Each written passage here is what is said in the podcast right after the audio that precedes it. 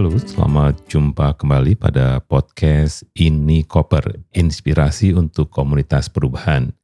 Saya Dani Wahyu Menggoro dari Inspirasi Tanpa Batas atau Inspirit. Edisi kali ini kita akan membicarakan tentang bagaimana nasib dunia fasilitasi ke depan.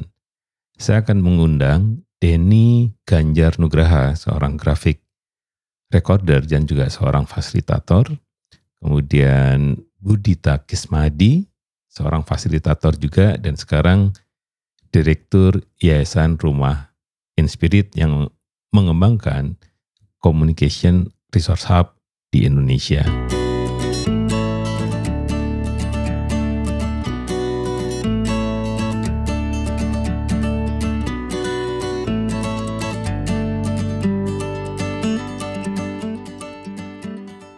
Hari ini sudah hari yang kedua dan banyak pertanyaan-pertanyaan yang mengganggu sebenarnya perkembangan dari dunia fasilitasi. Gangguannya sebenarnya gangguan positif. Pertanyaannya adalah mau ke mana lagi vibrant facilitation ke depan? Itu pertanyaan dasarnya. Sebelum ke sana saya ingin tanya ya, the gangnya vibrant ini. Denny, Rodendo, ya, kemudian ada ya. Budita Kismadi. Halo. Ya. Ngobrol-ngobrol nih, saya sebenarnya di beberapa kesempatan sering ini menyampaikan apakah fasilitator itu masih relevan. Kasusnya seperti ini. Di beberapa training ya di lingkungan pemerintah misalnya itu peran fasilitator itu seolah-olah meledek. Ya. Hanya ditempatkan untuk opening sebuah pelatihan dan closing. Jadi saya mulai juga gelisah di beberapa kelas juga yang wakil dari pemerintah juga menyatakan sebenarnya istilah fasilitator itu bukan sesuatu yang diimpikan itu sesuatu yang justru merendahkan di dunia penyuluhan aja itu fasilitatornya yang paling rendah Nah baru di di apa ada penyuluh utama, penyuluh apa kayak gitu ya. Tapi di sini jadi pertanyaan, apakah memang tafsirnya begitu? Ini satu tantangan seperti apa sih di dunia fasilitasi? Kenapa cara menafsirkannya menjadi seperti itu? Kalau menurut Butsi gimana Pak ya, Kalau saya sih ngelihatnya mungkin dari dulu ya uh, perjuangan Inspirit bukannya mau mengubah cara orang melihat fasilitator gitu. Jadi kalau lihat kayak Dani kan seolah-olah ada sistem yang kita nggak bisa ubah udah gitu fasilitator yang paling rendah gitu. Nah kalau saya ngelihatnya justru selama ini Vibrant kita usahakan untuk orang melihat ini loh yang namanya fasilitator. Ya soal kemudian nggak masuk tuh di di apa ya di uh, kelas-kelasnya gitu ya untuk honor dan sebagainya. Menurut menurut saya sih di beberapa uh, kementerian kita berhasil ya gitu. Jadi ada usaha untuk bisa menghargai fasilitator sesuai dengan perannya gitu. Bahwa sebenarnya antara narasumber fasilitator dan moderator tuh ya mungkin nggak harus dibedakan gitu. Bahwa sama-sama gitu. Itu punya peran sendiri-sendiri gitu. Kalau saya sih ngelihat ya nggak tahu ya kadang-kadang capek juga ya kalau kemudian nggak dihargai gitu. Tapi saya melihat bahwa sebetulnya ya mungkin yang harus kita perjuangkan adalah atau bikin istilah baru gitu ya yang kemudian biar mereka yang pusing harus masuk di mana nih judulnya gitu ya. Ya apakah di dalam konteks sistem ya saya ada kecurigaan. Sebenarnya semangat untuk mengontrol itu masih tinggi. Jadi peran fasilitator itu menjadi diturunkan karena memang ancaman memang apa ya tanda kutip ancaman atau ya semangat mengontrol hasil ya, yeah. mengontrol pesertanya, mengontrol ruang, mengontrol apa pun itu masih kuat gitu. Jadi yeah. pada saat kita liberate gitu, strukturnya ya saya curiga ada ada semangat untuk semacam menolak ya resisten gitu. Yeah. Kalau dari Denny ya Den, kamu kan sering ikut acara yang di luar-luar kita gitu ya, hmm. karena lebih merdeka gitu kan. itu gimana pada kebangannya? Iya, Ya saya ter suka tertarik dengan istilah tafsir kalau kata Mas Dedi ya. Jadi saya malah curiganya memang tafsir in spirit itu mungkin belum ada yang nyamain gitu ya atau emang berbeda sendiri gitu. Apa anomali gitu ya. Wih, keren kan saya bisa nyebut anomali. Jadi memang akhirnya saya pernah bukan akhirnya saya bahkan pernah diminta bantu bikin video untuk sebuah lembaga sertifikasi fasilitator dibikin oleh pemerintah. Hmm. Nah standar yang di, yang dibikin siapa? Berarti kan harusnya inspirit dong, udah punya kelasnya, ya kan? Jadi lulusan ini sertifikatnya harusnya diakui negara Hmm. dengan definisi yang sesuai yang diharapkan inspirit. Hmm. Karena definisinya banyak tuh dari mulai merancang segala macam fasilitator tuh pekerjaannya jadi keren banget gitu bahkan tujuannya bahkan mengubah si pertemuan menjadi lebih hidup itu gitu karena kalau di sertifikasi yang saya tahu itu karena saya apa baca naskahnya. Hmm. ya biasa banget. Memang sifatnya hanya menjadi kayak pengelola pertemuan aja gitu di. Bahkan bisa hadir di hari H aja. Ya jadi dia eh, kan harus harus diuji ya. Ya ujiannya juga biasa aja. Cuma coba materinya nyampeinnya seperti apa dan sebagainya. Jadi standar-standar itu mungkin udah ada. Dan itu berarti kalau menurut saya kalau ganti nama apakah itu menjadi sesuatu yang jadi effort lagi gitu ya untuk mengedukasi orang atau cukup dengan memang tidak boleh lepas dari kata vibrantnya. Jadi fasilitator vibrantnya harus menjadi image yang emang ditetapkan. Jadi Inspirit bukan menciptakan fasilitator tapi menciptakan vibrant fasilitas fasilitator. Ah. Itunya mungkin ya yang jadi vibrantnya ini yang memang dikenalkan gitu. Saya kecurigaan saya gini. Jadi gini, sebenarnya semangatnya tuh satu ya. Banyak kata fasilitator tuh dipakai oleh pihak yang berkuasa itu kan untuk kata sosialisasi. Hmm. Kalau sosialisasi kemudian ada peran fasilitator kan jadi lucu juga. Jadi si kontennya tuh udah harus apa?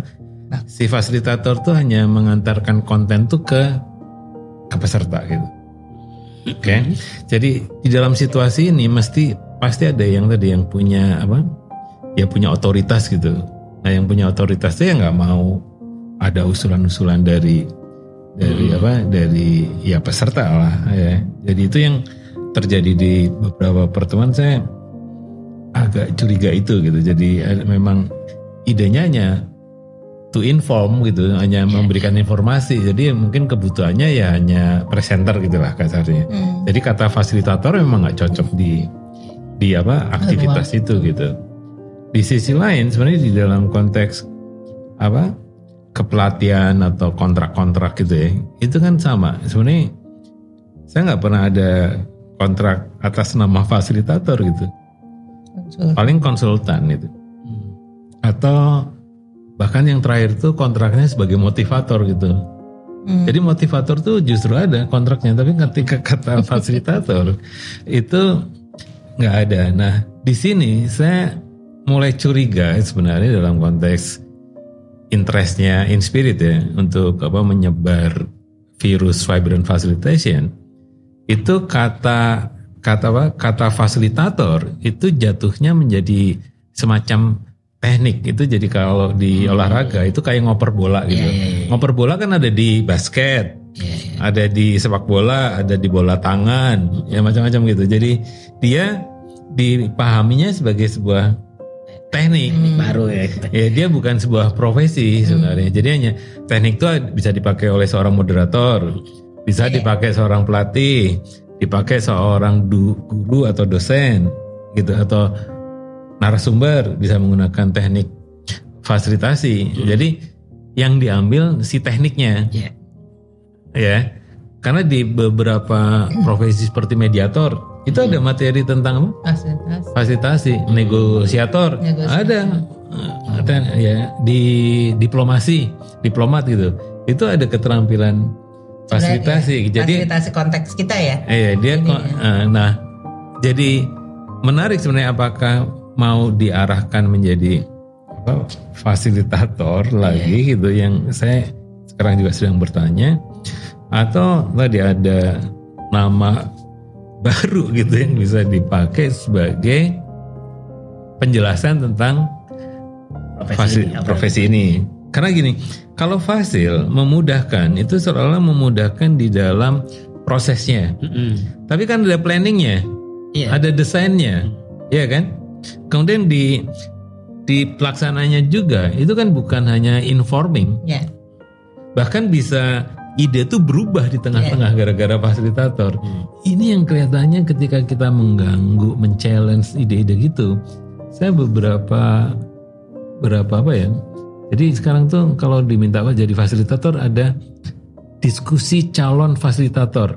Nah kemudian kita kan mengkritik. Nah pada saat mengkritik tuh ya nggak diterima dong sebagai fasilitator karena loh kok ada apa?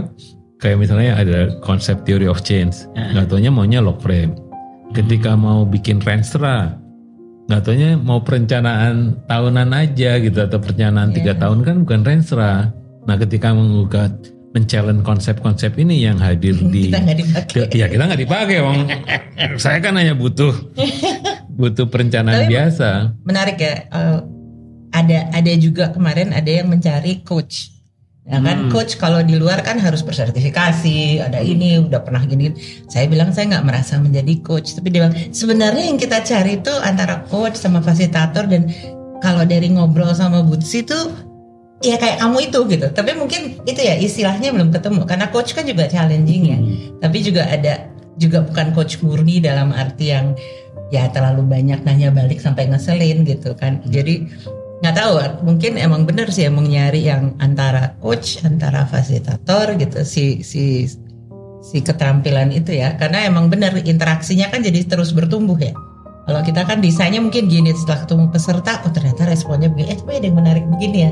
Terus antara kita sendiri kan atau di kepalanya Dani kemudian oke nanti kita berubah ini lagi gitu. Jadi em, ya beda dengan misalnya konsultan yang udah punya saklek harus ini ini itu gitu ya dilakukan mungkin emang harus ada sesuatu yang baru gitu Grid gimana grid masih Oh. relevan atau? Nggak kan itu bagian iya, dari, dari apa? Visual facilitation kan? Iya betul. Ya kalau saya dulu eh, apa namanya memulai graphic recorder juga kan prosesnya tuh lama ya. Dan orang juga masih bertanya buat apa? Iya. Masih Iya. bertanya buat apa ada ini gitu. Jadi emang harus terus diperjuangkan karena menurut saya ke- harus terlibat sih orang. Ya. Karena kalau nggak terlibat jadi tontonan itu pas tanyaan buat apa muncul gitu. ya Makanya menjadi fasilitator juga kalau belum pernah mencoba melakukannya dan mencoba merancangnya menjadi ya tadi gitu fasilitator menjadi ya kayak narasumber kayak apa gitu. Tapi kalau coba deh pikirin dari mulai beda loh rasanya jadi fasilitator itu. Itu bisa. Jadi sebenarnya saya ingin merangkumnya seperti ini ya. Pertama sebenarnya fasilitator itu dibutuhkan kalau ada niat untuk change, ada perubahan. Ya. Sebenarnya kita itu karena di situ nggak ada nggak mungkin penyuluhan perubahan kita nggak mungkin kan? Ya, pelatih perubahan kan nggak ikut. Dia hanya yang tadi. Jadi dalam konteks sesuatu yang ingin berubah, ya Situ. berubah bertransformasi ke satu bentuk yang baru, mau itu programnya, mau organisasinya. Di situ menurut saya peran fasilitator kelihatannya klop gitu Ya. di situ.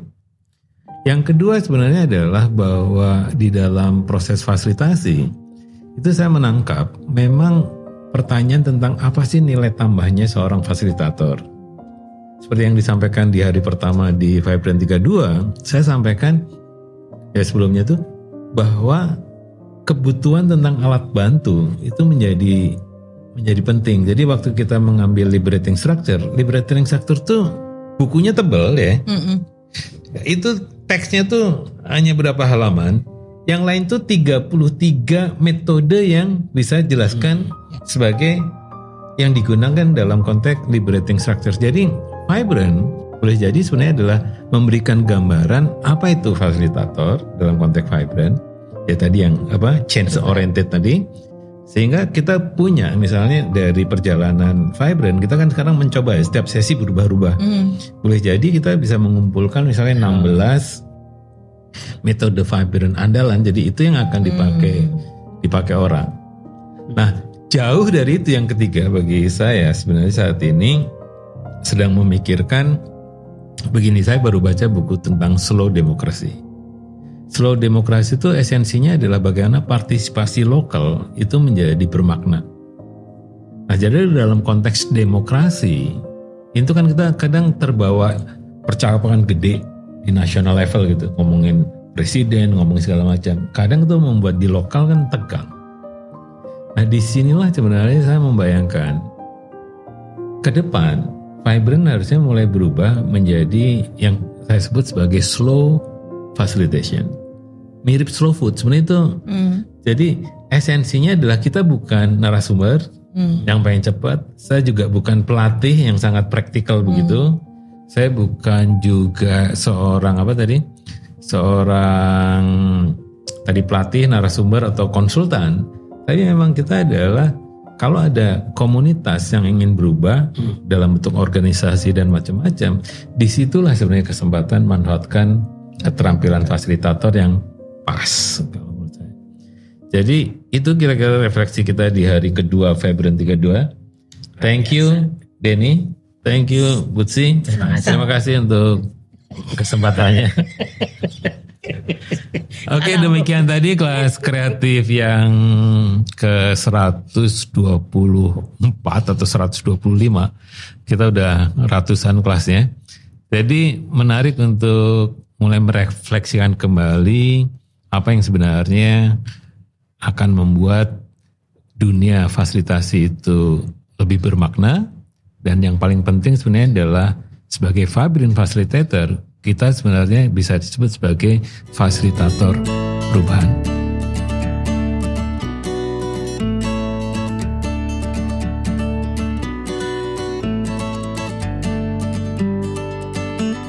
Demikian tadi percakapan saya dengan Denny dan Putsi tentang relevansi fasilitasi pada dunia interaksi sosial di masa yang akan datang.